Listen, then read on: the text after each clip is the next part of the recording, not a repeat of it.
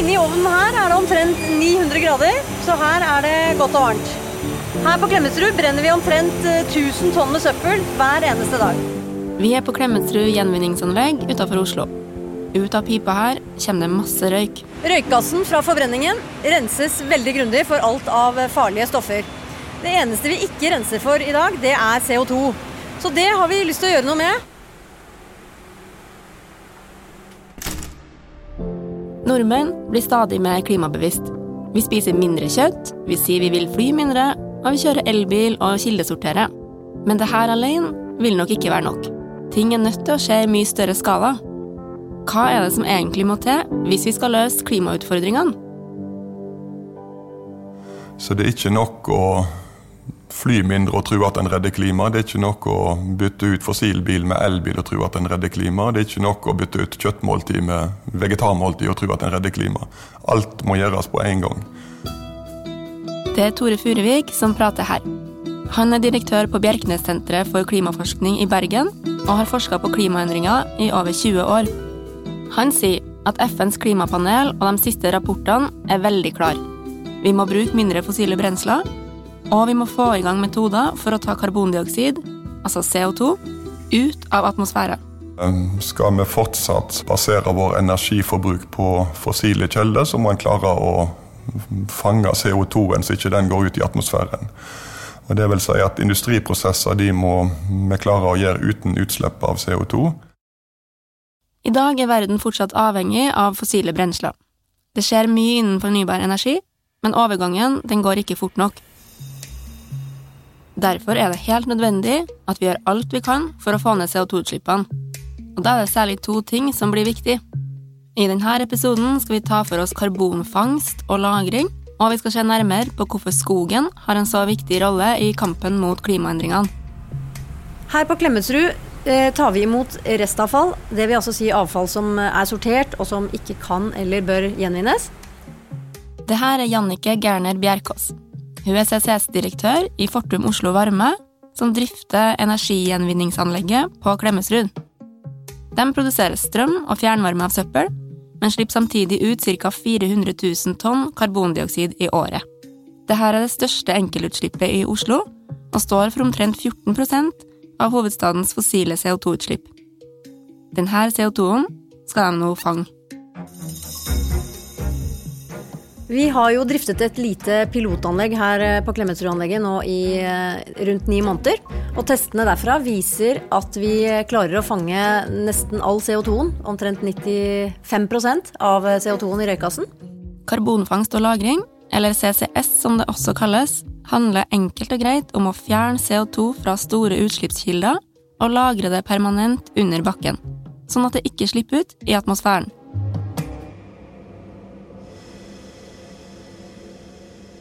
Selve teknologien fungerer i korte trekk sånn at eh, røykgassen, som da er grundig renset for alt, egentlig, unntatt CO2, den møter en eh, væskeløsning, som vi kaller en aminløsning. Og da binder CO2-en seg til denne eh, flytende væsken, som tar med seg CO2-en videre inn i et eh, tårn hvor det blir varmet opp. Da slipper aminløsningen CO2-en igjen. Og Det gjør det mulig å fange denne CO2-en, frakte den vekk og lagre den permanent.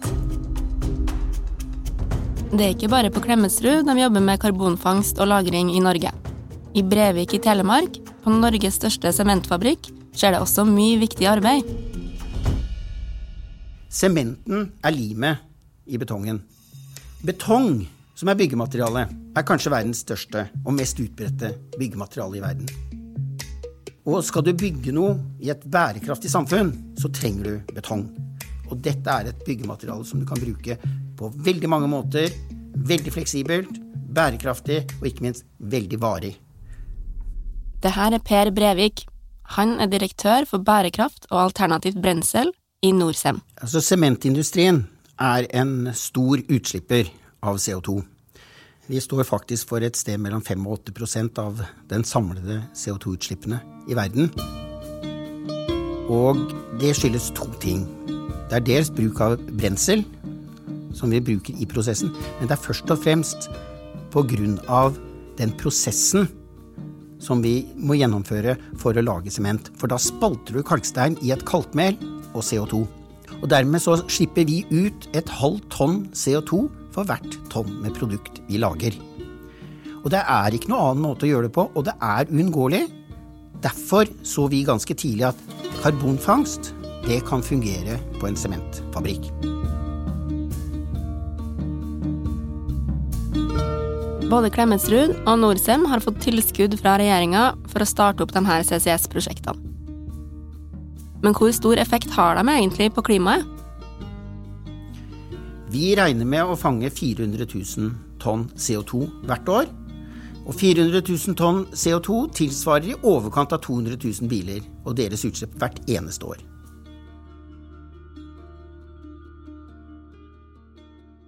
Det samme gjelder på Klemetsrud. Også dem kommer til å kunne fange opp utslipp tilsvarende 200 000 personbiler. Men det er foreløpig noen utfordringer med karbonfangst og -lagring. Det er teknisk ganske komplisert. Det er ganske dyrt. Men potensialet er enormt dersom man klarer å videreformidle læringa fra de her prosjektene. Da kan det ha stor betydning for klimautfordringene, ifølge Jannike Gerner Bjerkås i Fortum Oslo Varme. Etter hvert som volumet kommer opp og vi får læring fra mange anlegg, så vil vi se at kostnadene går ned, eh, effektiviteten går opp, anleggene blir mindre. Akkurat som vi har sett innenfor mange andre teknologier. Så tror jeg også det er viktig at vi fokuserer på hvor effektivt det er som klimatiltak, og ikke bare på hvor dyrt det er hele tiden. Det internasjonale energibyrået IEA sier at verden er nødt til å fange 40 ganger mer CO2 enn det vi gjør i dag, hvis vi skal nå FNs klimamål i 2050. Vi kommer ikke i mål bare med å bygge ut fornybar energi.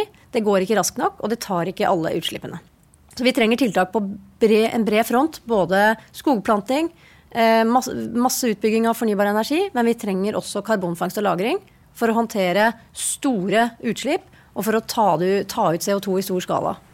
Hva tenker du om at lille Norge påtar seg mye av ansvaret for utviklinga i denne teknologien? Jeg syns det er bra at Norge her går foran. og vi har jo en helt unik mulighet fordi vi har disse store lagringsreservoarene i Nordsjøen. Og vi har også teknologi og kompetanse fra, fra, oljebransjen som gjør at vi er i en ganske unik posisjon når det gjelder å ta ansvar og å ta ledelsen på dette området i verden for å få på plass en veldig effektiv klimateknologi.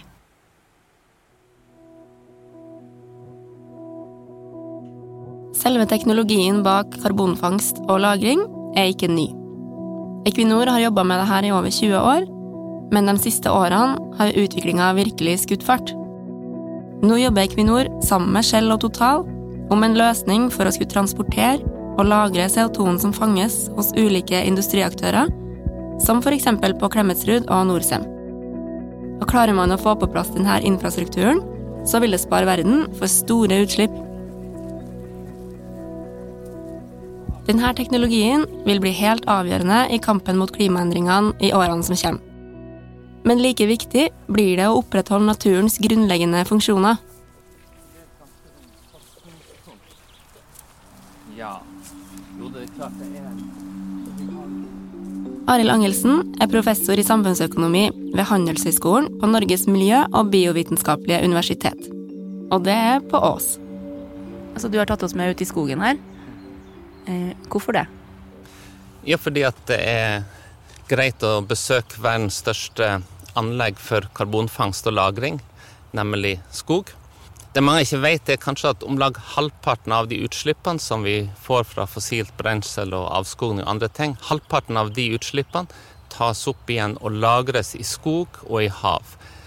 Og fotosyntesen er den klart mest effektive formen for karbonfangst som vi har i dag. Hvorfor er skogen eh, så viktig når det kommer til å skulle eh, løse klimaproblemet? Utslipp fra avskogning er om lag 10-12% av de globale utslippene. Det er en viktig del av klimaproblemet som vi må få, vi må få redusert. den.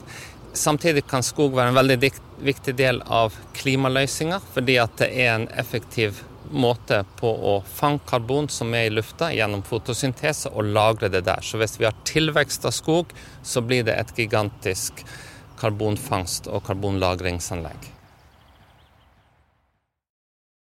I dag er rundt 600 milliarder tonn karbon lagra i verdens skoger og i annen vegetasjon. Det er nesten like mye karbon som det finnes i atmosfæren. Men naturens egne karbonfangstlager er trua. Mennesker hugger skog, og det blir færre trær på grunn av avskoging i tropiske områder. Denne trenden forsøker Norge å snu via internasjonale samarbeid. Jeg har vært involvert i det initiativet som heter RED Plus, Reducing Emissions from Deforestation and Forest Degradation, som kom på dagsorden til klimaforhandlingene under FN i 2005. Formålet med Redd Plus er å gi økonomisk støtte til land og bønder som jobber for å redusere avskoging.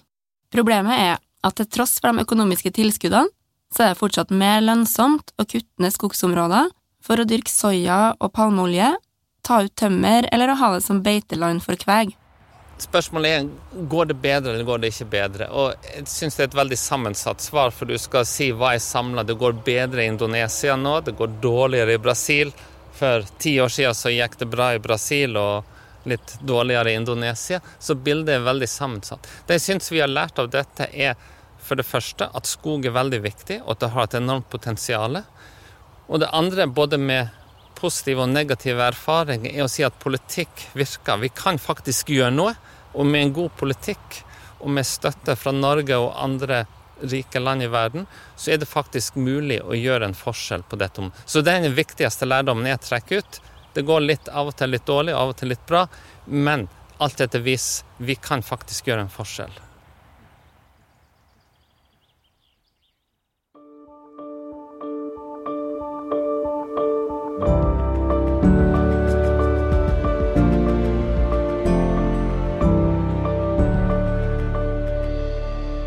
For å nå klimamålene er vi nødt til å stoppe avskoging. Men det i seg selv kommer ikke til å være nok. Ekspertene sier jo det, at vi er nødt til å fange 40 ganger mer CO2 enn det som vi gjør i dag. Så i fremtida så kommer vi til å må skalere opp teknologien for karbonfangst og -lagring, og samtidig satse mye mer på fornybar energi. Det er som klimaforsker Tore Furuvik sa i starten av episoden. Alt må gjøres på en gang. Da er vi helt avhengig av innovasjon og nye ideer. Så i neste episode så stiller vi spørsmålet Er det grunn til å være teknologioptimist?